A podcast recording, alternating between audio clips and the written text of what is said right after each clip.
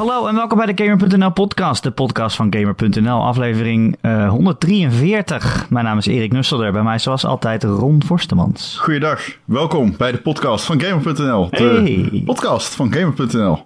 De Gamer.nl podcast. Ik deed het Zie, fout. jij kan, jij kan dit niet. Ik, ik kan dit niet. Ik, kan dit, gewoon ik niet. kan dit gewoon niet. Nee, nee.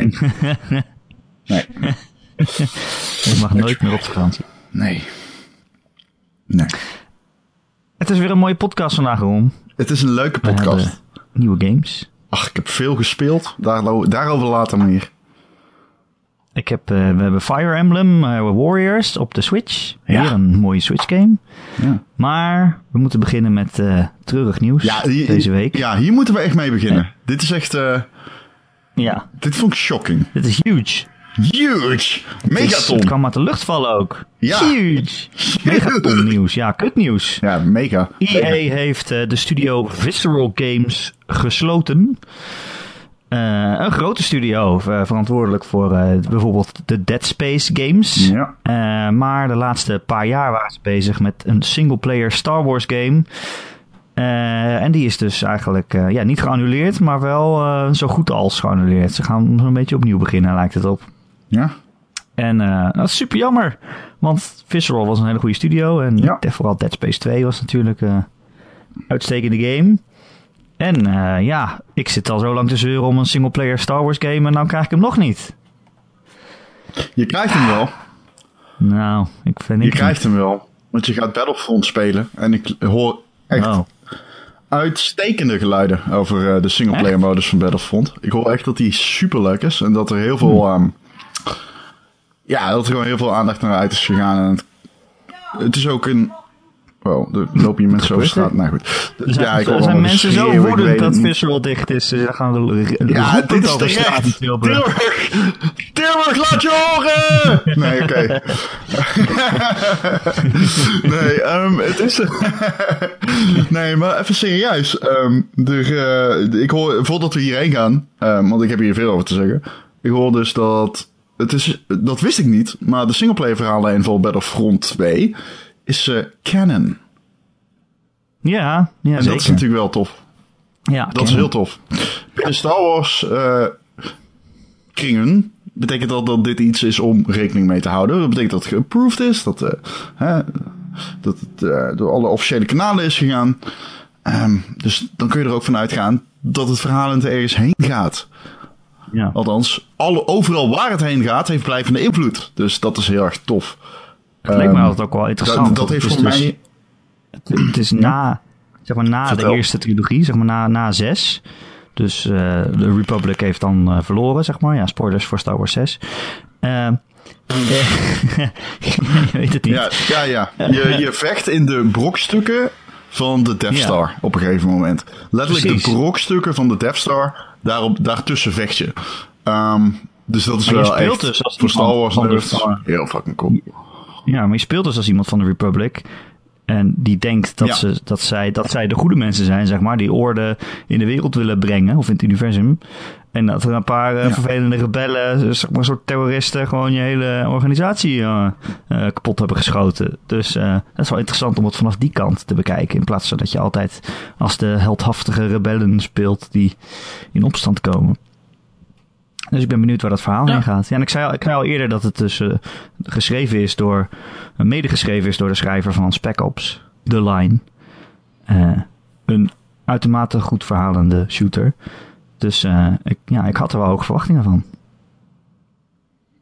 Ja. Ik weet niet hoe je haar naam uitspreekt van die actrice die eh, centraal staat als de protagonist. Of ja, eigenlijk een soort van antagonist, maar het is de protagonist. Maar ze zit dus bij de dark side. Eh, Janina Gavanker of zo. Ik weet niet, ik heb, haar, ik heb haar gesproken ehm, op de E3. En ze is like, super cute en cool op eh, camera. Ze, ze, heeft, ze heeft echt uitstraling. Of, en ze schijnt, tenminste wat ik ervan meekreeg, heeft ze heel veel verstand van Star Wars. Ehm, dus dat is echt cool dat zo. eh, de, de, de- ik ben. Nou, ik moet het anders zeggen. Ik heb onverwacht veel zin in deze verhalen. In het begin dacht ik echt, zij is het uithangbord en daaraan hangen ze het op. Maar nu krijg ik het gevoel dat het ook daadwerkelijk ergens heen gaat. Dus je snapt wat ik bedoel. Verhalend. Dus ehm, Ik, ehm, ja, ik, ik, ik, ik voel hem wel opeens. Ja, ik vraag me wel af hoeveel het voorstelt hoor. Ik denk wel dat het uiteindelijk gewoon een campaign van 4 uur is of zo. 4 tot 6, weet je, zoiets. Ja, ik hoorde het, ze- gaat, het gaat natuurlijk om de multiplayer game. Zij zei het al. Het voelt als een. Als een oh, eh, wat ik ervan meekrijg. Is dat mensen zeggen: het voelt echt als een volwaardige singleplayer. Het zal misschien heel Oh. kort zijn. Fair enough. Ik Maar maar wat, mensen zeggen dat het een volwaardige singleplayer is. Dus ehm, ja, eh, laten we afwachten. I don't know. Ik heb hem zelf niet gespeeld. Alleen de multiplayer. En mijn mening daarover die heb ik vorige week al geventileerd. Ik ben niet echt Juist. positief per se. Dus, eh, maar goed, terug naar Visceral. Want dat Ja. is wel een ding. Ehm, Ik vond dat die zo'n game raar dus, die game die gepitcht werd. Oh, Nee, ja. nou, ja. oké, vertel dat dan Nou, eerst. eh, nou eh, Vertel dat. EA die, die zegt dus, kijk, Visceral is al vier jaar aan het werk aan deze game. Eh, voor zover we weten, ja, vier jaar. Amy Hennig, eh, die werkt eraan mee. Dat, was, dat is natuurlijk eh, degene Ja. die Uncharted ook heeft geschreven. Ehm, Mhm. En in het persbericht zegt EA, ja, in het Engels was het zoiets van... It was shaping up to be a single-player, narrative-driven game. Zo van, alsof ze ineens... Dat ze ineens een vier jaar later de studio binnenliepen en zeiden... Hè, zijn jullie nou een singleplayer game aan het maken? Hoe kan dat nou? en dat ze toen zeiden, ja, we gaan het helemaal omgooien. Ja, Ze zetten het af tegen het klimaat, het gameklimaat nu. Nee, precies. Wat ik denk dat het wordt is gewoon Destiny in Star Wars. ja, dat is duidelijk. Ja, het is, het is een beetje... Kijk, eh, die game van em, eh, Amy Hennig, die inderdaad eh Uncharted 2 en zo heeft geschreven onder meer.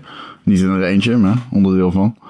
Ehm, die, die heeft wel, wat ik er van andere journalisten van heb meegekregen, een beetje was het Uncharted in Star Wars. Ja, precies wat ik wil. Dus. Ja, precies wat je. wa- wa- Waarvan je denkt. Nou ja, waarvan je denkt: oké, dat is cool. Ehm, nu zeggen ze dus van: oké, in dit gameklimaat is dat. willen we iets meer wat aansluit bij. Ze willen gewoon iets waar meer geld mee te verdienen wordt, is. Eigenlijk. Ja, Dus ja, dan denk je, dan ga je meteen denken van, hmm, wat willen ze dan maken? Ja, wat zou het Oké, ze willen geen puur singleplayer avontuur à la Uncharted. Nou, Ze willen een minder lineair verhaal. En ze willen een groter avontuur dat spelers meer vrijheid geeft. Ja. En meer diepte geeft. En waar spelers Eh, vaker Is dat niet gewoon om de hete brei heen draaien? Ze gaan Destiny maken en ze maken het in Star Wars universum. En het krijgt lootboxes en dat wordt het. Ja. Ja, ze zeiden echt van, het moet iets zijn waar spelers heel vaak naar willen terugkeren. Dus ja, dan weet je al dat het iets online is inderdaad, met, eh, ja, met, met microtransacties en dat soort dingen. Ah. Maar ik vind het ook raar, want ze hebben al een multiplayer Star Wars game. Met Nou ja, lootboxes. wat denk je van EA? EA heeft al een Destiny. EA? Oh, ja. Hè? Ja. Nee. Ja, EA heeft ja. al een Destiny. Ja, dat Ja, wel. Ja, hij komt eraan. Ja, Anthem. Hij komt eraan. Anthem. Anthem. Dus Ja, ik snap niet zo goed waarom komt- ze nu opeens... Anthem komt volgend jaar uit. En deze 2000. game in niet 2019. Ze wilden deze game 2019 uitbrengen, maar dat, dat wordt nu op de lange baan geschoven. Dus dat wordt misschien 2020, 2021. Dan ben je alweer Hij is verdeeld. jaar verder. eh, is opgesplitst onder verschillende studio's. Welke, zegt EA niet. Ja, Ehm, nee. Nee? Eh, wat ik me afvraag. EA Vancouver. Dus als deze game dadelijk... Ja, EA Vancouver, maar er zijn... EA Vancouver moet de ontwikkeling dragen. Ja, precies. Maar heel Dat veel klopt trouwens. Inderdaad. Maar het zijn er meerdere. Maar welke? Staat volgens mij niet in het persbericht. Nee, nee. Wel dat EA Vancouver... eh Maar ik begreep wel dat Vancouver raar, technical lead was. Dat klopt. Ja, EA Vancouver is vooral FIFA en zo, toch? Dus... Het zijn sports, Ja, maar het is niet raar hoor. Het, ja. Het is niet raar dat dit op zich... Kijk, dit, dit is wel raar. Kijk, Visceral gesloten worden is fucking kut. Het is niet Ja. raar dat meerdere studio's aan één titel werken binnen EA. Nee. Dat, eh, ik bedoel, kijk naar Battlefront 2. Dat is ook eh, niet alleen van DICE natuurlijk. Dus dat is op zich wel raar. Even to the point. Als deze game dadelijk in 2021 uitkomt... Dan ehm, loopt die, eh, die, die vice president van EA, die, die guy, die Sutherland, die Patrick Sutherland, die loopt het kantoor binnen van EA Vancouver en zegt: Ja, in het huidige gameklimaat gaat dit hem gewoon niet worden. Lootboxes Nee, en eh, niet competitive multiplayer en een grote open wereld. Dus we willen iets meer singleplayerish. en we willen iets wat, waar, wat mensen echt onderdompelt in de, in de 4K 60 fps ervaring. En ehm, ja, we're going for Uncharted. Uncharted In space.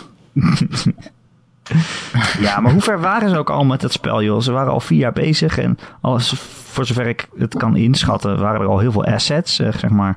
eh, de, de engine en gewoon alle personages, modellen, eh, omgevingen, dat, dat die al gemaakt waren. Er was er een script, want die medeschrijver, Todd Stashwick, die, die ook vanaf Naughty Dog Ja. meeging met Amy, die heeft al in een interview gezegd van dat het een Ja. super grappig spel was.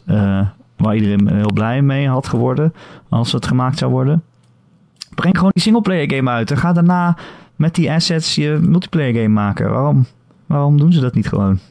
Het is een Star Wars game. Het is echt niet alsof, je, alsof die een, een, een miljoen verkopen niet haalt of zo, weet je wel.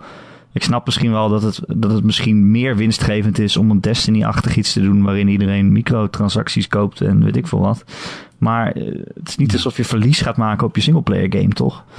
Breng het gewoon uit. Nee. Ja. Ja. ja, ja. Maar aan de andere kant, ze zullen vast die demographics hebben doorgenomen, gekeken, gestaafd in de markt, wat werkt. En eh, daarna gekeken hebben. Ik neem aan dat er een valide reden is om het te cancelen, man. Anders doen ze dit niet. Deze bedrijven zijn te groot, stakes zijn te high. Er zitten te veel mensen te dik bovenop om dit gewoon lukraak te cancelen. Zeker zo laat in ontwikkeling. Ik, de- ik neem aan dat die game in ieder geval half af was. Kijk, dit is ook een vage term, half Ja. af. Maar in ieder geval, wat jij al zegt. De, de, de fundering lag er, ja. Ja, want is zegt ook in het opmerkelijk, persbericht van... Het zag er heel mooi uit en wij gaan nu met deze assets... gaan we nu... Die gaan we, herge, die gaan we verder gebruiken. Maar, de- maar de game gaat gewoon een andere richting op. Dus ze hebben al alles wat er mooi uit moet zien. Maar eh, nu gaan we het gewoon een andere fundering geven weer. Dus eh, Hey, gaat Amy Hennig eigenlijk mee? ja, dat, ehm, daar, dat, dat stond niet echt. Dat stond niet in het persbericht. En eh, er is later naar gevraagd. En toen zeiden ze: ja, we gaan met Amy Hennig bespreken wat haar toekomst is binnen EA. Dus ja, we weten het gewoon nog niet. En zij, zij weten het kennelijk ook nog niet. Ik vraag me heel erg af wat daar gebeurd is, eigenlijk. Ja. Ik vraag me heel erg af wat daar nou precies nou- eh, gebeurd is. Zou, zou die game kut zijn aan het worden zijn of zo? Kan toch bijna niet? Nou, ze hebben blijkbaar wel afgaande op speelsessies. Hebben ze ook conclusies getrokken? Las ik elders. Alleen, Oh. ja. Oké. Ja. Ik, eh, Ja. ik vind het jammer, man. En weet je, het is ook extra zuur, omdat dit zou eindelijk de Star Wars, de hele mooie Star Wars singleplayer game worden. Natuurlijk nadat eh, Star Wars 1616 ook al eh, gecanceld was. Eh, wat er ook super mooi uitzag. En ook als een soort Uncharted Star Wars Dat- eruit zag. Maar ook Nou, gesneuveld. ik heb daar laatst nog footage van zitten kijken. Die, die game was in mijn gedachten super mooi. Maar uiteindelijk was dat helemaal niet zo heel Ja, mooi. voor de tijd van, voor, de, voor zijn tijd, hè? Nu, voor de, nu, als je hem nu... Ja, 2013 was dat. Dus ik zat er naar te kijken en ik dacht echt... Oké, maar... Veel tegen. Ja, nee, tuurlijk. Het is absoluut super irreëel om dit te gaan vergelijken met wat je nu ziet, natuurlijk. Het is lekker, letterlijk een generatie geleden. Ja. maar ja, hè, je snapt het. We hadden het vorige week over eh, hoe nostalgie bedriegelijk kan zijn. God damn, it got to me met die Star Wars game. Ik weet dat dat schip aan het instorten was. En ja, het zag er in mijn gedachten zo fucking we- wezen, wezenlijk mooi uit. En ik keek het terug en toen dacht ik, ja, het is toch wel jammer, die 1080p. maar goed. Oh. Eh, ja, nou, ik vind het zonde. En weet je, we hebben het nu alleen over die Star Wars game, maar ook gewoon van de studio is het, eh, van Visceral zelf is het, eh, is het sneu. Oh, voor al die mensen die hun baan verliezen natuurlijk. Eh, maar ja, ook de, ook de studio, het, het was toch altijd een beetje de soort van rebelse kant van EA of zo. Eh, Dead Space maken en eh, Dante's Inferno natuurlijk. Het is toch een beetje altijd de buitenliggende spellen die je niet zo snel verwacht, maar die wel cool zijn of zo. Dus ja, dat is toch Ja. wel jammer. Maar ja. Ja, Visceral heeft wel, moet ik wel zeggen, ik was geen fan van Dead Space 3. Ik was geen fan van Battlefield Hardline. Ehm, Oh, die hebben ze ook gemaakt, ja. Ja. Nou ja. Eh Ron. Zullen we naar iets anders gaan? Ja. Jij noemde die goeie. Star Wars game net 1616. Oh, Klopt heet dat? die niet zo? Moeten we even live... Volgens mij eh, niet. Volgens mij is het 1313. Oh, oh, god. Nee, ik bedenk Ja. het me gewoon. Ik ben... Ja, je hebt gelijk, Star Wars 13. Ik weet het niet hoor. Sorry, sorry. Sorry, eh, Star Wars mensen. Ah, yes. sorry, ik heb je verbeterd. mensen. Het is, eh, dat is natuurlijk... vaak dat eh, ik Erik mag verbeteren. het is natuurlijk level 1313. Dat is... eh, is eh, ja, het, de verdieping op, op, op Coruscant, toch? Ja, ik ga gewoon zeggen ja. Ja, dat was een ondergrondse verdieping volgens mij. Maar goed. Hè, ik ben gewoon op de verkeerde Ja. verdieping uitgestapt in de lift. Dus dat kan gebeuren. Nee, dat kan niet. nee, dat kan niet. Eh Ron. Laten we gaan naar games die wel uitkomen. Lieverd, vertel het. oh, wat? Eh, Fire Emblem. Eh, tenminste, Fire Emblem Oh. Warriors. Voor de Nintendo Switch. Die heb ik eh, de afgelopen tijd gespeeld. Eh, al best wel lang. Nintendo geeft altijd heel vroeg eh, die codes uit. Dat is hartstikke aardig van ze. Ja, Heb je lekker lang. twee weken van tevoren is geen unicum. Nee, nee. Er zijn ook allemaal mensen Nee. die waren, zijn vorige, vorige ik week zeg al dat- Mario aan het spelen en zo. Ja, kijk naar Edge, die al een cover story Ja. heeft van Super Mario. Ja, het is natuurlijk, het gaat zo. Moesten ze wel een 10 geven. Ja, moesten ze wel een team voor? Nee, nee. nee, als er één medium niet zo is, dan is het fucking Ja, dat Edge. dat is een grapje. Nee, oké, duidelijk. Ehm eh, waar hadden we het over? Fire Emblem. We hadden het over Fire Emblem Warriors. Ja, toch weer een grote game voor de Switch. Het is best wel een heel goed Switch-jaar, eh, Ron. Er zijn toch echt wel... Hadden aan het begin van het jaar niet gedacht. Maar er zijn toch wel veel grote games op uitgekomen. En dit, ik vond dit eh, boven verwachting leuk, moet ik zeggen. Het is natuurlijk niet een standaard, of, dus ja, een standaard Fire Emblem game. Hè. Dat is natuurlijk de, de turn-based strategie games en dat. Maar dit is een Dynasty Warriors-achtig spel. Een, een echte hack-and-slash game waarin je vooral op de sla-knop moet rammen. En eh, er zijn er eh, tientallen vijanden tegelijk eh, in het scherm. En dan kan je ze ook allemaal tegelijk omhoog slaan. En daarna vallen ze weer allemaal op de grond. En dat is hartstikke grappig. Een beetje Mhm. hersenloos is het altijd. Vind ik dan. Ja, Een paar jaar geleden had je daar ook de Zelda-versie van, hè? Mhm. Hyrule Warriors. Dat was eigenlijk gewoon Hyrule Warriors was ik geen fan van. Nee, dat was, dat was, eh, Nee. Maar weinig, het was echt weinig diepgang was dat. Dat was echt gewoon een Dynasty Warriors game met een Zelda Ja. skin. Eh, dat was, vond ik toen wel een beetje teleurstellend. Omdat ik dacht, ja, dan heb je de Zelda licentie en dan moet je er wel iets cools mee doen of zo. Maar eh, nu heb je dus Fire Emblem. En ja, het ik was leuke die is... bij een maatje aan het spelen en na een uur was ik er klaar mee. Oh ja. Sorry, ga verder. Nee, het leuke is dus dat, eh, dat ze nu met Fire Emblem hebben ze echt wel elementen van de Fire Emblem serie hebben ze meegenomen in deze hack and slash game. Eh, en dat hebben ze best wel grappig gedaan. Eh, eh, vooral de tactiek, de achterliggende tactiek, is, is nu veel meer aanwezig. Je, je loopt nog steeds gewoon door zo'n map heen. Maar ondertussen kan je dan gewoon op elk moment op pauze drukken. En dan komt je kaart tevoorschijn. En die kaart die ziet er dan precies zo uit als een, als een Fire Emblem kaart. En dan kan je je andere teamleden, die kan je dan eh, eh, opdrachten geven. Dat ze naar bepaalde plekken moeten lopen. Dat ze forten moeten overnemen. Of bepaalde eh, enemies moeten aanvallen. En dat voelt gewoon nog best wel een beetje Fire Emblemig. Eh, dus je moet echt tactische opdrachten geven. Eh, en dat is ook best wel belangrijk, want ja, weet je, halverwege zo'n missie komt er dan, en dan komen er dan ineens versterkingen van de vijand. En die gaan dan recht eh, op je thuisbasis af. En dan, als je dan niemand achter hebt gelaten, dan ja, stormen ze er gewoon doorheen. En dan eh, is het, voor je het weet, eh, ben je weer game over. Dus je moet echt nog wel een beetje meer nadenken dit keer. Dat is best wel leuk gedaan. En ze hebben ook die, ja, de, de Fire Emblem driehoek, zeg maar. Hè, weet je wel, met zwaarden, bijlen en eh, lansen. Die dan eh, sterk of zwak tegen elkaar zijn. Die eh, hebben ze ook meegenomen en geïmplementeerd. Dus je ziet bij alle grote vijanden zie je pijltjes boven hun hoofd van of ze juist sterk of zwak tegen jou zijn.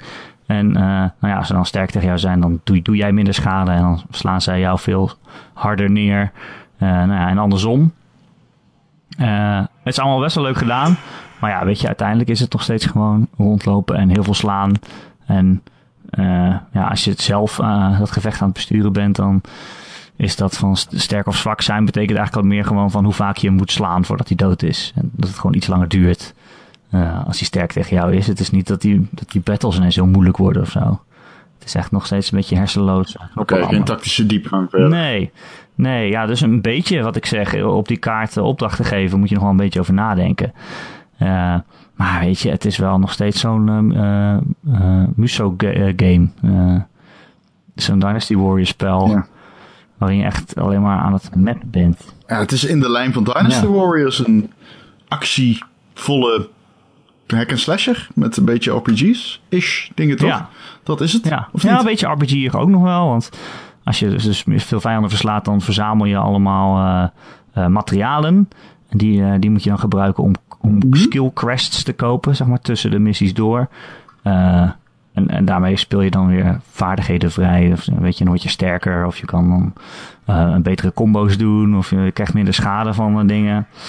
Uh, maar ja, weet je, dat is een beetje een voortgangssysteem. Het voelt een beetje geforceerd. Want ik heb nooit echt het gevoel dat het iets uitmaakt of zo als je, als je bezig bent. Uh, of, je dat nou, of je dat nou allemaal gedaan hebt of niet.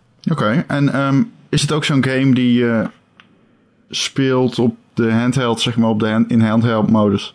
Waarvan je denkt van, wow, holy fuck, het is eigenlijk best wel een pacht dat ik dit aan het doen ben in de trein. Het geeft mij die consoles ja, aan. echt wel, ja. Ja, ik vind het best wel een mooie game. Het is wel, uh, het is natuurlijk allemaal 3D en uh, het zijn niet hele grote maps, dus daarom kunnen ze het ook best wel mooi maken. En er zijn ook wel heel veel vijanden tegelijk in het scherm. Dat vind ik toch altijd wel, dat uh, vond ik wel knap gedaan zeker als je dat inderdaad in de handheld modus aan het spelen bent, dan denk je shit, dus ik heb gewoon een console in mijn handen. Het werkt gewoon. Ja, dat is altijd wel fucking cool, ja. Hmm. Ja, het is gewoon mooi.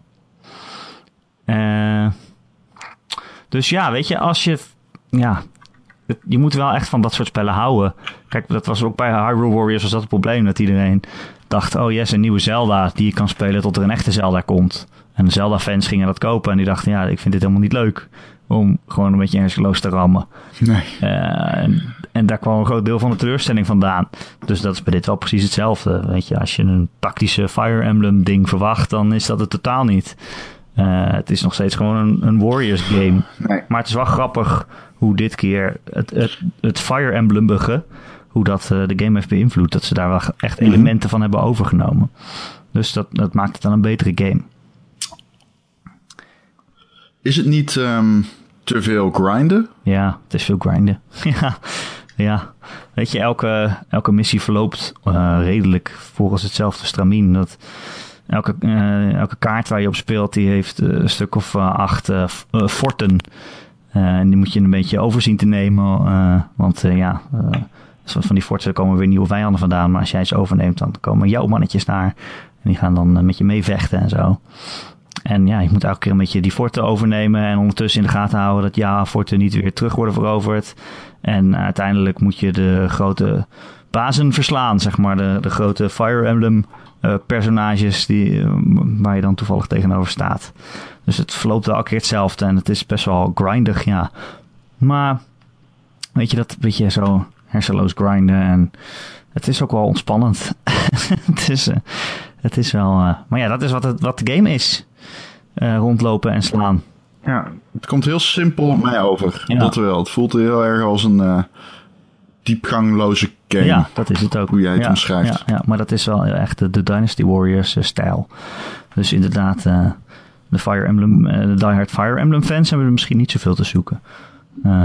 maar wel trouwens, als ze alle personages van alle verschillende tijdperken vanuit die gameserie, als ze die allemaal in één game willen zien, dan, dan wel. Want hebben een heel geforceerde reden gevonden om ze allemaal in hetzelfde spel en hetzelfde verhaal te stoppen. En uh, pakt soms nog wel grappig uit, verhaal technisch gezien, van bepaalde personages die elkaar dan ontmoeten. Dus misschien vinden Fire Emblem fans dat nog wel super leuk om te zien. Maar het verhaal is wel best wel kut verder, dus daar hoef je het niet echt voor te doen. Uh, maar ja, het is al grindy en uh, zo, maar ik vond het toch wel heel leuk. Het is echt wel, het is heel mooi verzorgd of zo. Het voelt wel echt als een soepele game. En het vechten is nooit vervelend. Het is al, je bent altijd echt lekker aan het slaan. En dan doe je zo'n sterke aanval en dan vliegen er echt 40, 40 soldaten zo de lucht in, weet je wel. Dat voelt gewoon lekker. Dus ik vond het nooit echt vervelend en altijd wel lekker wegspelen. Maar ja, weet je, als je op de bank zit met de Switch in je hand en je zet een tv-serie aan of zo, of een podcast of uh, dat soort dingen. Dat, dan is het echt, daar is het echt een lekkere game voor. Of in de, inderdaad wat jij zegt in de trein, gewoon uh, elke keer één, uh, één map spelen en dan weer verder. Hm. Oké. Ja, best wel leuk. Best wel leuk om. Als je een Switch hebt, kan je echt Ja, ik hou van leuke dingen. Ik hou van leuke dingen. Ja, van dingen die Dat goed mooi. zijn. Ja, en leuk. Leuk, goed. eh, vermakelijk vind ik ook belangrijk altijd. Heb jij nog dingen op je Switch gespeeld? Ja, ehm, gaan we hier nu heen naar het segment? Wou je dat niet? Is dit het wat hebben we gespeeld segment? Oeh, ik vond het wel een goed idee. Nou ja, als jij het zegt, dan... eh, ik ik eh, heb verder ook eh, niks meer eh, te melden behalve dat, denk ik. Ja. Dus dan kunnen we daarheen. Nou En dan gaan we het uitgebreid hebben over het... eh, van een... eh, doe iets van een drumroll of zo, als het niet kan. Het is... eh, de, grote inhaalslag van 2017! Woe! Woe! Woe! Liep je achter? Ik eh, ben begonnen met mijn backlog. Het is officieel. Is dit het moment dat je gaat zeggen dat je Nier aan het spelen bent?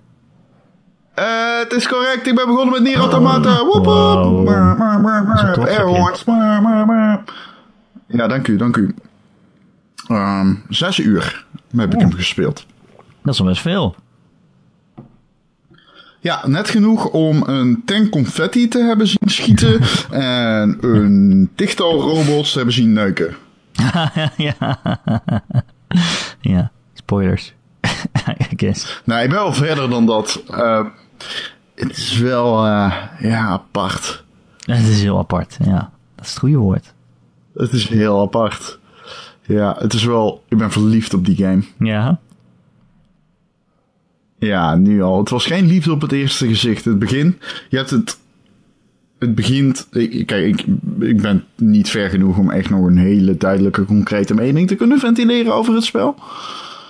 Maar het begint eh, dat je een hele grote. je- je- ze laten eigenlijk even een heel scala mechanics langskomen in zo'n half uurtje tijd. Waaronder een hele grote boss battle. Ja. Eh, en daarna begint die game, zou je kunnen zeggen. Ehm, maar ik vind het begin niet zo sterk. Los van dat eerste half uur, wat echt wel een coole kennismaking is. Die paar uur daarna, die zijn nou niet echt heel enerverend. Je gaat naar Aarde, je komt daar, je maakt kennismaking met wat mensen. Ze zeggen, hé, hey, ga even daarheen om wat materials te farmen. Dan ga, ik ga terug, eh, uur, ver- uur later kom ik iemand anders tegen die zegt, hé, hey, je moet even terug daar om wat materials te farmen. Dus ik doe dat en ik ben klaar uiteindelijk met alles wat ik moet doen. En dan pas komt die game eigenlijk op gang. Eh, ook qua verhaal. En eh, qua ethiek ook. Want ik heb echt het gevoel dat deze game wel wat onderwerpen aansnijdt eh, waar ik dingen van Oeh. vind. Hè? Over AI Ja. en over robot bewustzijn eigenlijk. Van, van, van kunstmatige, kunstmatige intelligentie en waar trekken de grens. En deze game die, die doet dat eigenlijk heel subtiel. Maar ook weer ehm, vaak genoeg om je er constant aan te herinneren dat er op de achtergrond dubbele motieven zijn en zo. En eh, dat, dat, dat, dat, vind ik wel echt heel erg cool gedaan. Ehm, ik heb eh Nier 1 nooit een kans gegeven en ik begrijp dat het daar ook een beetje in zat. Deze game speelt zich duizenden jaren later af, dus uiteraard in andere zin. Ehm, maar dat was ook een game die speelde met moeilijke onderwerpen en deze game doet dat ook op een hele eigen manier.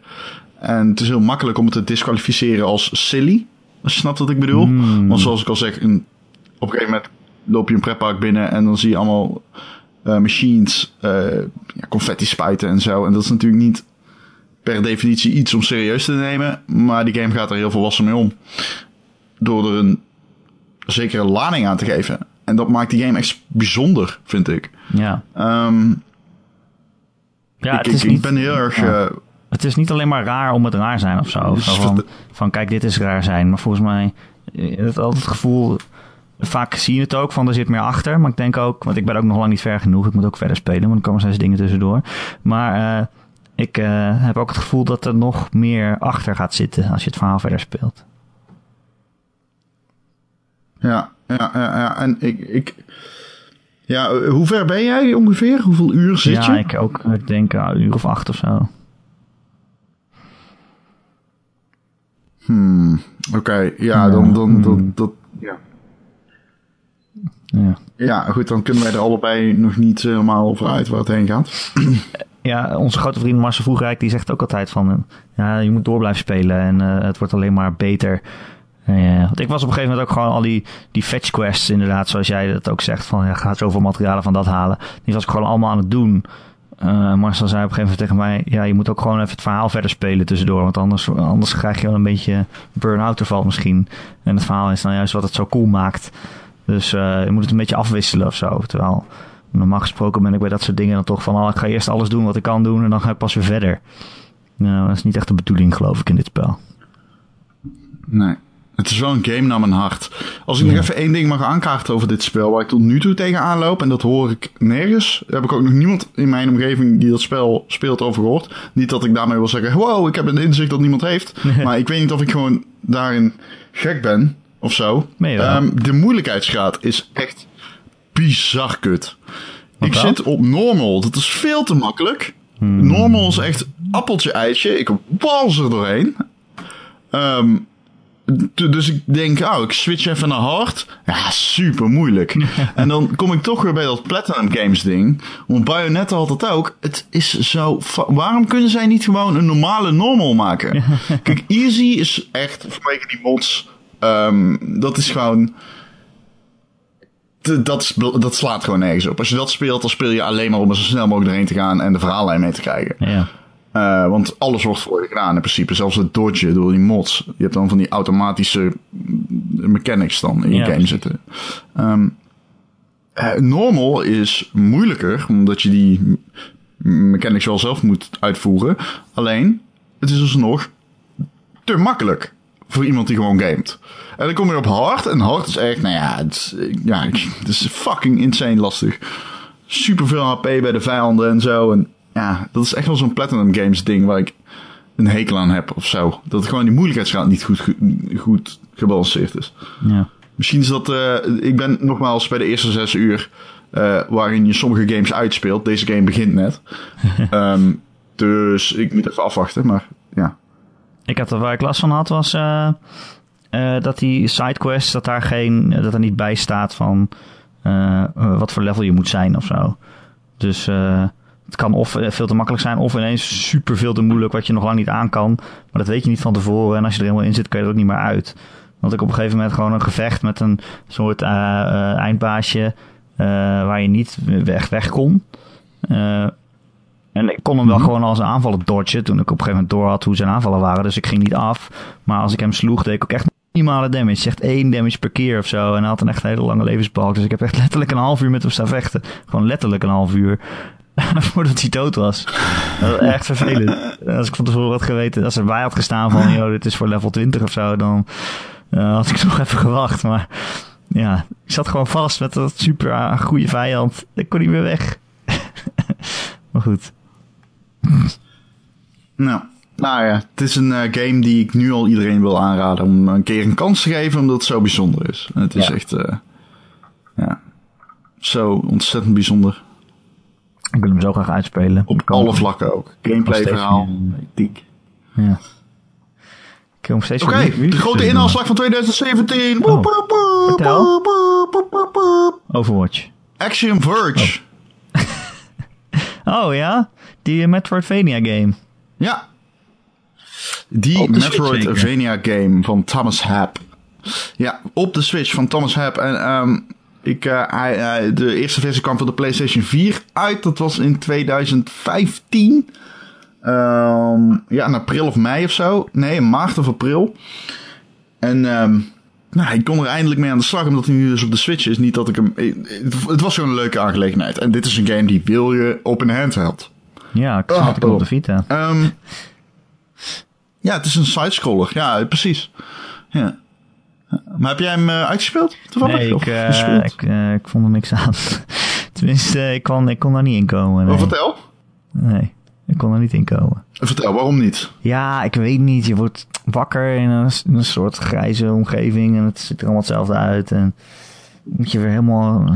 Ja, het begin is verschrikkelijk. Het begin is, het begin is echt verschrikkelijk van die game. Ja. Nee, klopt helemaal. Het, het, je komt nergens heen. Nou, laat ik het zo zeggen. Wat die game heel erg tof maakt, vind ik, zijn uh, de wapens. Je hebt echt heel veel wapens. Die je kunt upgraden. En uh, het gebruiken van is echt. Ja. het voelt heel belonend om een goede. Een nieuwe gun te krijgen. Het is natuurlijk een Metroidvania, dus de game geeft je een bepaalde gun op een bepaald moment in de wetenschap dat jij dan terug kan naar een gebied waar je vijf minuten eerder uh, dacht van, huh, wat moet ik hier nou doen? Ik kan niet verder. En dan krijg je dat nieuwe wapen en opeens everything makes sense. Um, maar het is zo, het maakt zo inventief gebruik van die wapens dat ik het nu al een game vind die in dat genre echt weer ik hoop dat er meer van. Dit genre, die klassieke Metroidvania. Ik, ik ben daar de afgelopen jaren meer van gaan houden dan ik vroeger deed. Mhm. En ik hoop gewoon dat er meer van dit soort games op de Switch komen. Want ik ga deze uitspelen en ik. Ja, het is ook. Die, die Metroid die op de 3DS, die remake. Ik had hem zo graag op de Switch gehad. Dat is dan waar ik meteen aan denk tijdens het spelen van Action Verge. Ik snap het hoor. Ze willen die, die handheld nog steeds supporten. Doe dat met die game. Poort hem naar de Switch. En fucking laat die 3DS sterven gewoon. ik bedoel, ik snap het. Als, in Azië wordt hij nu steeds verkocht. Maar die mensen die, die weten gewoon niet beter. Die eh, marketen, market Nintendo de Switch daar wel. Eh, hoe zit dat daar? Er zijn gewoon nog zoveel mensen die 3DS Weten die mensen wel dat dat apparaat bestaat? Ja. Stop ermee. Stop. Maar weet je, ja. Iemand moet ingrijpen. Ja, Iemand moet Nintendo vertellen. Jongens, jullie hebben nu een console die ook een handheld is. Combineer je development teams en zet ze op de hybrid console handheld. En niet op je handheld. Die, Switch, dat is fucking achterlijk. Stop. Die Switch die gaat, die gaat wel heel goed. Maar hoeveel heeft hij nu verkocht in totaal? Wat is het? 2,5, 3 miljoen misschien? Ik geloof niet dat we echt... Ik goede cijfers hebben. Maar dat is best wel veel voor zo snel. Maar het, is, het zijn nog geen DS, 3DS-cijfers. Er zitten gewoon nog heel veel mensen dagelijks op een 3DS te spelen. En dan is het best wel slim als bedrijf om daar nog een game voor uit te brengen. En gewoon langzaam af te bouwen en die andere op te bouwen. Je kan niet zo van de een op de andere dag uh, de, de, de, de, schakelaar omgooien. Het kan wel, maar het is niet zo slim. Wat jij doet is gewoon heel verstandig. Ja, Wat jij doet is echt wijselijk. Jij redeneert vanuit het bedrijf en zegt van, ja, okay. vanuit economics is dit gewoon logische ding van Nintendo om te doen. Ik zeg, zie je iemand in een bushokje zitten op spelende op zijn 3DS, sla die 3DS uit zijn hand. Zeg, ren naar de winkel, koop een Switch. Jij bent de pet aan de grootste gamecrisis van de 21ste eeuw. En zorg alsjeblieft dat Nintendo gewoon zijn development teams op de Switch zet. Stop. Stop. Ja, maar jij zegt, je denkt vanuit Dit het bedrijf. gaat veel te ver. Maar ik denk toch ook vanuit de, de klant dan. Het is toch fijn dat als je, een, Nintendo, als je een console koopt, dat die nog lang ondersteund wordt. En dat je niet ineens, zodra het nieuwe er is, dat je dan meteen vergeten wordt. Dit is super sympathiek wat jij doet. Want jij denkt vanuit de klant en het bedrijf. Maar ik denk vanuit mijzelf. Oh, ja. Ik denk even vanuit mezelf. En ik wil gewoon meer. Ik wil gewoon. Deze waanzin moet gewoon stoppen. het moet gewoon stoppen. Sorry Ron, maar heb je niet al genoeg te spelen op je Switch? Nou, nou, maar goed, naast Action Verge, uh, in het kader van de grote inhaalslag van 2017. Een game die ook al op de PlayStation was. En die oh. ik toen ook al had willen kopen. En dat is Stardew Valley. Oh, echt? Heb je die gespeeld? Ja, ik ben hem aan het spelen. Het is een PC-game trouwens. As we speak. Wat zei Ik zei het is als eerst een PC-game, maar oké. Ja, maar ik heb geen PC, maar wel een PlayStation 4 en Xbox One. En daar kwam die ook op uit. Hij is trouwens ook op de Mac. Uh, dus ik had hem ook voor de MacBook kunnen kopen. Maar goed. Uh, nee, klopt. Hij kwam uh, eerst uit op de PC. Anyway, maakt het niet uit. Die game is echt top. Ja? Ja, die game is zo fucking leuk, man. Ik weet niet. Het, het is, echt. Ik hoor iedereen er altijd over. En het lijkt mij gewoon nooit wat. Het lijkt me altijd werk. Het ja, het, werk. ja, ja, het is een game van rituelen. Je, je wordt wakker in je huisje. Je zet de, tv aan, je kijkt naar het weerbericht. En daarna ah, oké, nou top. Uh, het gaat regenen. Ik hoef de planten geen water te geven. Hè? Nee, ik zei daarna ga ik Valley spelen, maar je had het over de game. Ik snap niet wat je bedoelt. Nee, ga maar verder. Oké, oké, sorry. Ja, was dit een poging tot humor die ik weer onderbreek met mijn feitelijke logica? ja, precies. Oké, oké, sorry. Nee, dus je wordt wakker in je huisje in Stardew Valley, de game, de videogamespel. En ehm, je zet je tv aan, je kijkt even naar het weerbericht en gewoon... eh, je gaat naar buiten, eh, je geeft plantjes water, je gaat misschien nog eh, op verkenning uit in het dorp, ontmoet nieuwe mensen, praat even met de mayor, gaat weer terug naar eh, bed, volgende dag repeat. En nou, gaandeweg komen er nieuwe dingen kijken in het eh boerderijenleven. En zodoende ontwikkel jij je als boer. En het is echt, het, het is serieus. Ik vermaak me er zo erg mee. Ja, ik ben zo hoekt aan het houden van een boerderij. Het slaat nergens op eigenlijk. dus dat. Boerenlon. Ja, Maar wat is ja, dan, ja, ja. is het ook echt gewoon een leuk spel om te doen? Wat bedoel, wat, wat doe je dan? Ja, het is gewoon verslavend omdat je steeds een beloning krijgt voor alle kleine dingen. Maar je runt in principe gewoon een, een boerenhoeve. Dus ehm, ja, je kunt gaan vissen, maar het hoeft niet.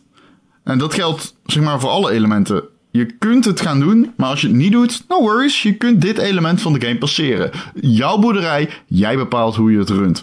En dat vind ik heel erg cool. Ehm, wat een nadeel is, is dat het heel veel trial and error is voor mij. Kijk, ik, ik stap nu in. Ehm, eh, ik- ja, ik heb in het verleden wel eens gespeeld, maar nooit lang genoeg. Dus dan ga je dit doen en dan kom je erachter hoe verdien ik geld. Oké. Nou, dat. eh, ik heb geen flauw idee. Ehm, dus daar moet je achter komen. Nou, dan, eh, dan ga je door en dan, dan, dan, kom je erachter. Oh, ik moet ook socializen. Eh, ja, oké, nou, dat heb ik dan, dan, dan niet gedaan. Eh, fuck. Oké, nou goed, dan bij de volgende playthrough ga ik die personages in het dorp wel benaderen. Ehm, eh, en, en, en op een gegeven moment, er zijn ook mijnen in de game die je kan verkennen. En dan moet je vechten met, met, met, vleermuizen bijvoorbeeld. Ben ik nog niet echt helemaal aan toegekomen. Laat staan het, het verslaan van vijanden of het hout hakken. Al dat soort dingen. Ik ben gewoon casual boer. Ik leid een boerenleven. Ik zorg dat mijn crops de fucking cream of the crops zijn. Het zijn de allerbeste crops in de hele geschiedenis van Stardew Valley. Ik besproei ze met liefde met water. En ik zorg dat je... Ik, ik, ik, heb de beste eh meloenen en shit. Dus dat is mijn ding. Op, op, op, eh, op, eh, op, op mijn farm. Ehm, maar ik weet nu al wat ik met mijn tweede playthrough ga doen. Omdat ik nu de kennis vergaard heb in de eerste. Ehm wow, er wordt aangebeld. wel, er belt iemand aan met meloenen. Ik hoop het niet. Ik hoop het niet, zeg. Jezus. Dat zou wel heel Ik kan meta zijn. meloenen kopen. Eh, maar dat, daar heb ik dus wel heel erg veel zin in om die aspecten van dat spel gaandeweg te leren verkennen. Eh, want het zijn er dus heel veel. Je hebt heel veel eh, specialismes.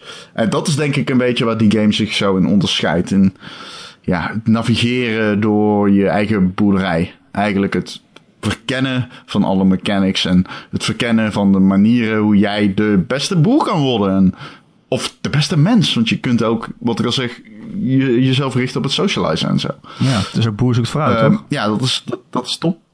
Ja, ja, ja, een beetje. Ja, ja. Leuk. ja.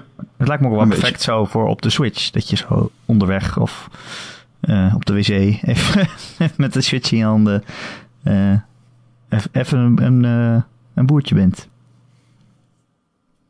Nou, precies. Het is heel. het is ook een heel charmante game qua uiterlijk.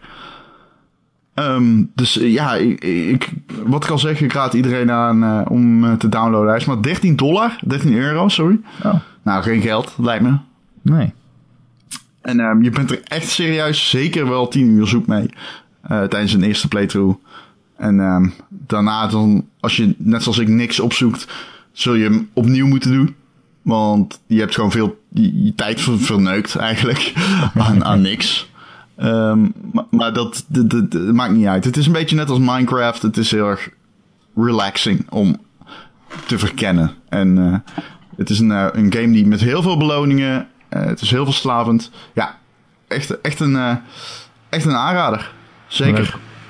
Het lijkt qua uiterlijk ook wel een beetje op Golf Story. Toch? Ja, zeker. Dat is dus een game die ik heb uitgespeeld deze week. Ja. Goed Gisteren. bruggetje voor mij, hè? Gisteren heb uitgespeeld. Ja, heel goed. Ja, dat is ook de laatste. Ehm, Oh, want eh, hierna komt de recensie van Call of Duty er alweer aan. En de South Park. En ik krijg het fucking druk. Ja, Naast mijn normale werk. Expert, dus dan moeten ze toch bij jou zijn. Ja, ja, ja, de Call of Duty expert inderdaad. Zo noemen ze mij altijd in, in Tilburg. Bij de bakker. En, eh, ja, inderdaad. Ehm, die game is zo fucking charming. Holy shit, dat is de, een van de meest charming games die ik ooit in mijn leven heb gespeeld, denk ik. Ja. Leuk, hè? Al gaat het maar om de dialoog gewoon. Ja, het is zo Al grappig. gaat het maar gewoon om de dialoog. Dit is echt... Het is zo grappig. En bizar ook soms. Dat je denkt, hè, gaat dit nou ineens over? Je denkt, het gaat alleen maar over golven, maar er zitten zoveel domme, saaie gaat- gaatjes in. Echt niet alleen maar om het golven. Nee, maar dat denk je als je Op een die gegeven moment je zegt je coach, ziet. je moet me thuis helpen, je moet me thuis helpen, zegt hij. Nee, nee, nee, hij zegt, ehm, ik moet eh, uit eten. Eh, kun jij even komen helpen? Want eh, ik moet het... Nee, hij zegt, ik, ga, ik heb een etentje, kun je mij Ja. komen helpen? En dan denk je dat het is omdat je, dat het iets met golf te maken heeft. Maar vervolgens sta je bij die coach in de keuken en staat zijn magnetron in de fik. En sta, moet jij buiten het bezoek, de bezoekers, eh, zeg maar, de, de, de visite afleiden. En dan ga je op zoek naar kruiden, maar ja, er is alleen onkruid. Dus dan voor je het weet ben je biefstuk met onkruid aan het eten. Dat soort shit. Het is echt fucking geweldig. Biefstuk uit de magnetron ook. Ja, Doe nee, echt altijd, een eh, heerlijke game. Doe jij ook altijd, je wordt altijd eh, vaak wakker in je huis dan weer als er een nieuwe dag begint. En er staat een tv. Mhm. En dan kan je altijd even kijken. En dan sta- eh, staan daar eh, twee golfcommentatoren. En die zeggen elke keer iets anders. En, eh, hele domme golfgrapjes en, en slechte verhalen. kan je allemaal kijken, doe je Nee. Is mij ontgaan. Is mij ontgaan. is zo grappig. Anyway, je hebt hem uitgespeeld. Ja, ik had ook wel heel erg bij het einde dat ik dacht, ah, ik houd van deze game. Ik ben echt van deze game gaan houden. Ja. Ik kan niet wachten op een vervolg. Dat zou leuk zijn, ja. Mhm. Maar ja, dat, eh, ik weet niet eh, hoe lang dat dan weer gaat duren. Of ze dat überhaupt gaan doen. Ja, Ja, ik vond het wel grappig dat het een een Switch exclusive eh, is. Ja, maar hoe lang kan het dat blijven? Ja, weet ik eigenlijk niet. Ik denk dat iedereen die game wil spelen. Ja. Ja, precies. Ze hebben wel een goede naam opgebouwd. Dus als ze nu dan naar andere consoles en naar de PC komen. Ik denk dat dat best wel een goede move zou zijn. Ja. Ja. Nou, precies. Ja, leuk man. Eh, Ron, Ja, wil je nog wel even naar de luisteraars? Heb je daar zin in? Mm, ja, sure. Let's get it. Eh, alle luisteraars, als je nog eh, mee wilt doen met onze podcast, dan eh, kun je mij mailen, erik.gamer.nl, erik met een k.gamer.nl, of je laat je reactie achter onder het bericht eh, waar de- deze podcast altijd staat op maandagochtend. Wacht En even, er Erik. best wel veel mensen gedaan deze de week. Want, ja, Hoezo meedoen? ja, meedoen, dan, hè, dan mag je iets zeggen. En dan, nou ja, als jij dan een vraag stuurt of zo, of een opmerking, en dan gaan wij het daarover hebben. Ah. Doe je toch een beetje mee? Dan beïnvloed jij toch de podcast. Oh, ja, zeker. Ja, dat is leuk. Eh, vorige week hadden wij het over eh, lootboxes, eh, Ron. Ja. een, een discussie. En eh, er waren heel veel mensen die daar ook aan mee wilden doen aan die discussie. Eh, Casual Killer die zegt bijvoorbeeld eh, ja, een heel verhaal over hoe de industrie zo duur is geworden en hoe duur het is om de games te maken. En dan vergeten ze hoe groot de markt voor deze industrie is geworden in vergelijking met 10 tot 20 jaar geleden. Ja, Ron, het is natuurlijk ook wel zo. Wij zeiden van ja, games worden duurder om te maken. En, maar ze zijn niet duurder geworden. Ze kosten nog steeds 60 euro. Maar er zijn ook heel veel meer mensen die nu games kopen dan 10 jaar geleden. Ja? Dus je verkoopt er ook meer. Ja. Ja, dus verdien je ook weer meer geld. Ja, maar dat Is niet zo. zoveel, dat, dat is niet zoveel als...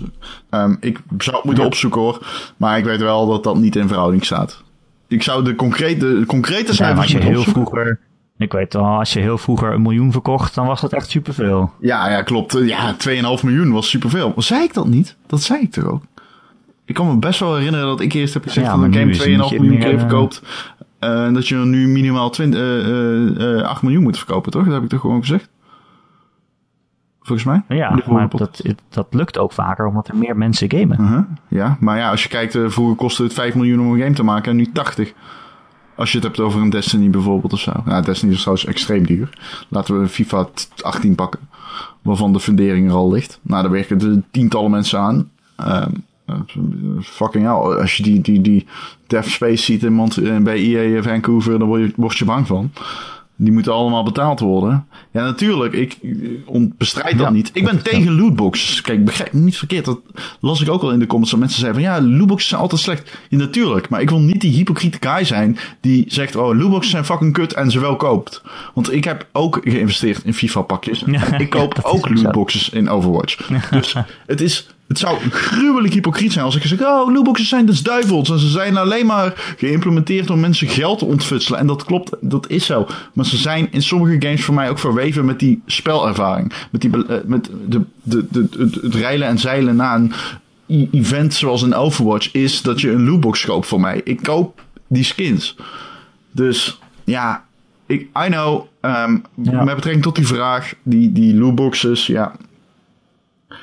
Je kunt gewoon, Ja. ja, je kunt gewoon niet, zeg maar, ze komen ermee weg. En daarom doen ze het. Dat is gewoon lang verhaal Ja. kort. Dat is meer mijn punt. eh, sorry, Ja. mijn, ik tikte de microfoon aan, maar dat is mijn punt van vorige week meer Oh. dan wat dat, eh, hè, dat games geen 80 dollar kosten omdat er lootboxes in zitten. Dat is natuurlijk te kort door de bocht. De waarheid is, ze hebben een verdienmodel Ja, gevonden dat werkt. Ze willen gewoon meer geld. Juist, precies. Ja. Ja. Nou ja, je ziet toch ook wel dat steeds meer negatieve eh, sentimenten eh, ontstaan. Kijk, bij Overwatch eh, hoorde je er eigenlijk bijna niemand over. Nou, bijvoorbeeld de, de- onze luisteraar The Chief, die zegt... eh lootboxes met enkel vanity items, zoals een Overwatch, vind ik te tolereren. Het is nog steeds irritant als gameconcept, maar het geeft niemand een game technisch voordeel. Maar games zoals Battlefront 2 en Shadow of War en et cetera, die moeten gewoon ritueel worden verbrand en massaal geboycott worden, omdat hun systeem direct impact heeft op speltechnische elementen.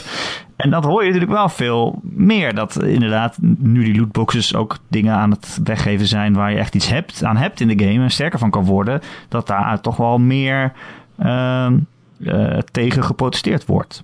Ja. Ja, maar het is ook een extra ik weet niet inkomen. of die games nou massaal geboycott worden. Ja, het is gewoon een aanleiding. Kijk, als een, een ontwikkelaar zet het, of een uitgever zet dat gewoon tegen elkaar af. De doorontwikkeling van een spel, hè, games als service. Ehm, wanneer is dat het waard om van games as service eh, gebruik te maken? Als het op de lange termijn geld oplevert. Dus dan moet er een verdienmodel aan gekoppeld zijn. En zoals in Overwatch is dat dan een verdienmodel dat inhaakt op die events die gratis zijn. Maar wil je de skins, dan moet je uiteindelijk misschien wel investeren. Ja, dat is zo. Eh, luisteraar Skip, die zegt... eh, eh, Skip die zegt, eh, mensen die zeggen dat lootboxes optioneel zijn en geen invloed hebben, alsjeblieft zeg, je snapt hopelijk wel dat het spel zo wordt aangepast dat de kans dat jij ze toch koopt toeneemt. Lees, grinder wordt eindeloos verlengd, drop rates worden kunstmatig laag gehouden, et cetera, et cetera. Nog, los van, nog, los van alle psychologische tricks die jou onbewust aansporen om dingen te kopen. Dat is geen game voor mij. Ik ga nog liever in de zon staan en frisse lucht inademen dan dat ik dit soort praktijken steun. Nou, doe voorzichtig zou ik zeggen. Maar eh, ja, dat is natuurlijk ook zo. Ja, dat denk ik althans. Nou ja, bij sommige games zie je het meer dan bij andere games. Dat inderdaad expres eh, dat je het grinden wordt eh, verlengd. Mhm. Ik hoor van mensen dus over Shadow of War dat de endgame daarin ja, toch wat meer grindy Ja. is. Eh, om je toch een beetje meer die, die lootboxes heen te sturen. En eh, nou ja, dat is, eh, dat is ook niet leuk. Ehm, Is ook niet leuk. In het verlengde hiervan, Activision heeft een, pakent, eh, een patent gewonnen dat eh, matchmaking gebruikt om ervoor te zorgen dat jij spullen gaat gebruiken. Dus ehm, je ziet iemand lopen met een fucking vette hoed die uit een lootbox komt. Eh, daar word je dan mee gematcht om ervoor te zorgen dat jij die ho- hoed wil. Dat is zeg maar een soort van nieuw matchmaking Ja. systeem dat eh, Activision heeft gepatenteerd. Ja, dat is natuurlijk een kwa dat is kwalijk. Om de simpele reden dat als je dat combineert met pay to win, ehm, dan krijg je dus tafereelen als in, holy shit, ik zit tegen een team die eh, alle vier de, ik gebruik maar even Destiny, een Destiny wapen, de Mida Multitool heeft. De wie? Eh, dat is geen pay to win wapen of zo, maar goed, even Ja, een voorbeeld, Erik, eh, Jezus.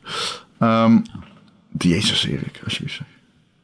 Ehm, nee, maar bijvoorbeeld dat. En dan, oh shit, ze hebben alle vier dat wapen. Nou, oh, dan moet ik hem misschien ook maar pakken.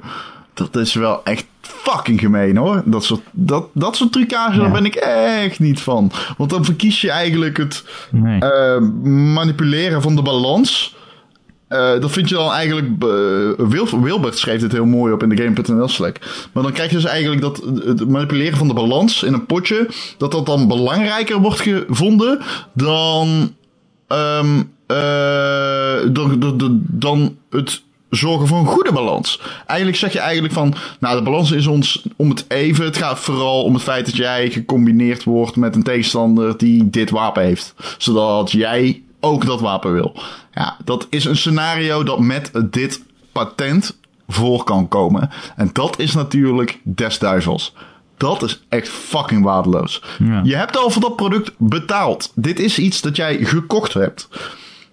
Je moet ervan uit kunnen gaan dat het spel het beste met je voor heeft. Lootboxes zijn tot daaraan toe. Want jij kan kiezen om ze te kopen. Er is, de game kan erop geënt zijn om ervoor te zorgen dat jij die lootboxes nodig hebt. Maar dat is niet sluiks. Dat is doorzichtig. Zeg maar, ik weet, oh shit, dit is een grind game. Er komt een, tenminste, de gemiddelde consument weet dat misschien niet, maar ik weet dat. Snap je? Voor mij, als iemand die daarin zich in verdiept heeft, ik weet van, oké, Shadow of War wordt een grind game. Op een gegeven moment moet ik die lootboxes gaan kopen, maar dat ga ik niet doen, want ik kan gewoon de verhaallijn uitspelen, et. Of een FIFA Ultimate Team, weet ik. Als ik echt een goed team wil, moet ik die pakjes kopen. Als ik dat niet doe, dan fair enough. Dan heb ik een kut team. Waarschijnlijk als de RNG mij niet goed gezind is. Maar daar heb ik dan vrede mee. Maar dit, dit is gewoon manipulatie.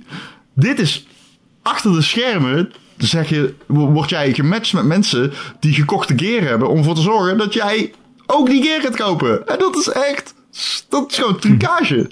Daar kom je gewoon niet mee weg. Ongeacht welk argument je daar aanhangt. Ja, daar, daar, daar, daar word ik Ja, maar de wel vraag is natuurlijk eh, wat kwaad om. of, of je het merkt. Nou, Als zoiets, zo'n systeem op de achtergrond draait. Ik in, bedoel, je weet het niet. Ze gaan het heus niet zeggen. Nee, je gaat het niet merken. Dat is de, de- Misschien dat ze het aangeven, dat zou kunnen. Dat zou chic zijn, fair enough. In een patent staat dat het op de achtergrond draait. Ja, daarom. Ja. Dat de game die expres gaat matchen met mensen die gear hebben die jij niet hebt. eh, eh, maar dat jij het helemaal niet doorhebt dat je op die manier gematcht hebt, wordt. Dat het nergens staat of zo. Dat kan natuurlijk. En dan hebben wij dat als reviewers ook Ja, maar niet dat door. is, dat is zie wat ik zeg. Hè? snel. Dat- dat- Je herhaalt wat ik zeg. Ja, Precies. ja nou, misschien gebeurt het al wel. Dat weet je niet. Ja, ja, als, ja het zou kunnen. Het is, eh, maar dit is... eh, ja, dat kan niet. Het kan gewoon niet. Niet vergoeilijken, dit soort shit. Nee. Eh, eh, Skip had trouwens wel het goede idee. Hè? Dat is eh, als je het heel erg niet mee eens bent met dit soort dingen, dan nou ja, moet je de game gewoon niet kopen. Dat is de enige manier om te laten horen dat je het er zo erg mee oneens bent. Het is wel een hellend vlak. Daar ben ik het wel echt Uiteindelijk, mee ja. eens. Het is wel echt een hellend vlak. Hoe meer Ja. we dit soort shit gaan accepteren, des verder we afwijken van de norm. En ehm, het, de norm is op dit moment al een beetje aan het vervagen. Je ziet het met Shadow of War, je ziet het zeker met FIFA. Ik ben daar de bed aan. Ik eh, draag bij aan de acceptatie Ja, van dit proces. Ik ben geen whale, zoals ze dat dan zeggen. Maar ik ben wel iemand die het niet erg vindt om voor 10 euro aan lootboxes te kopen als er een event is. Ehm, maar het is, ehm, het is een hellend vlak. Hoe meer we dit toestaan, des te verder het gaat. En eh, dat, dat, dat moeten we ook, daar moet je ook eerlijk in zijn. Ja. Weet je, weet je trouwens wat wel altijd gratis is, Ron? De Gamer.nl podcast. Ja, elke maandag te downloaden via onze website gamer.nl. Eh, je kan hem ook eh, via allerlei eh, apps luisteren, podcast-apps. Kan je je op abonneren. Of via Soundcloud of YouTube of Stitcher, nou dat soort dingen. En ook natuurlijk op iTunes. Als je daar toch bent op je Apple-apparaten, dan vinden we het ook fijn als je ons een keer een reviewtje geeft. Een aantal sterren en misschien een tekstje. Eh, want dan zijn we gewoon weer beter vindbaar voor nieuwe luisteraars. En dat is hartstikke gezellig. Eh, nou, ik zei het net al, als je ons wil mailen, dan kun je dat doen op erik.gamer.nl. Erik met een k.gamer.nl. Kun je vragen stellen of opmerkingen plaatsen voor de podcast van volgende week. En die is heel bijzonder, Ron. Volgende week Ja, dat klopt. Dat Volgende week een is hele het, bijzondere eh, opko- is het eh, Mario-tijd.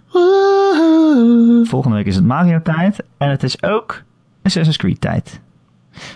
En eh we kunnen wel een Mario versus Assassin's Creed battle doen. Ja? Wie doet wat beter? Sound. Ja, die wint Mario.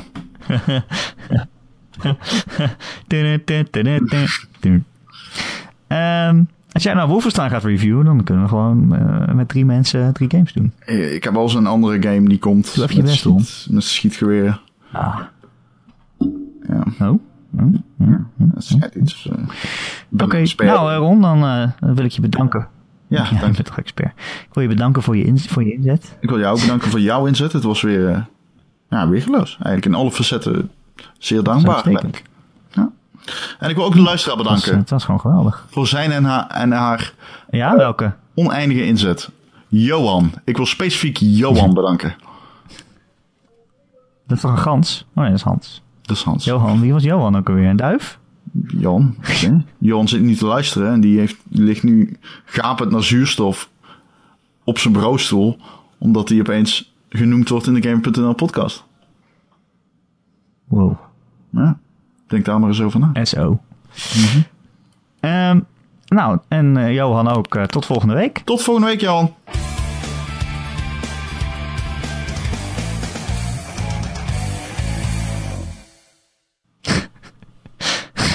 Oké, Johan. Ja, I don't know. Ik, ik weet ik veel. Ik noemde gewoon een naam. Dat kan toch? Dat is toch leuk voor Johan? En dan noem je Johan. Nou, er zit nu één Johan te kijken en die vindt dit de dag van zijn leven. Of luisteren.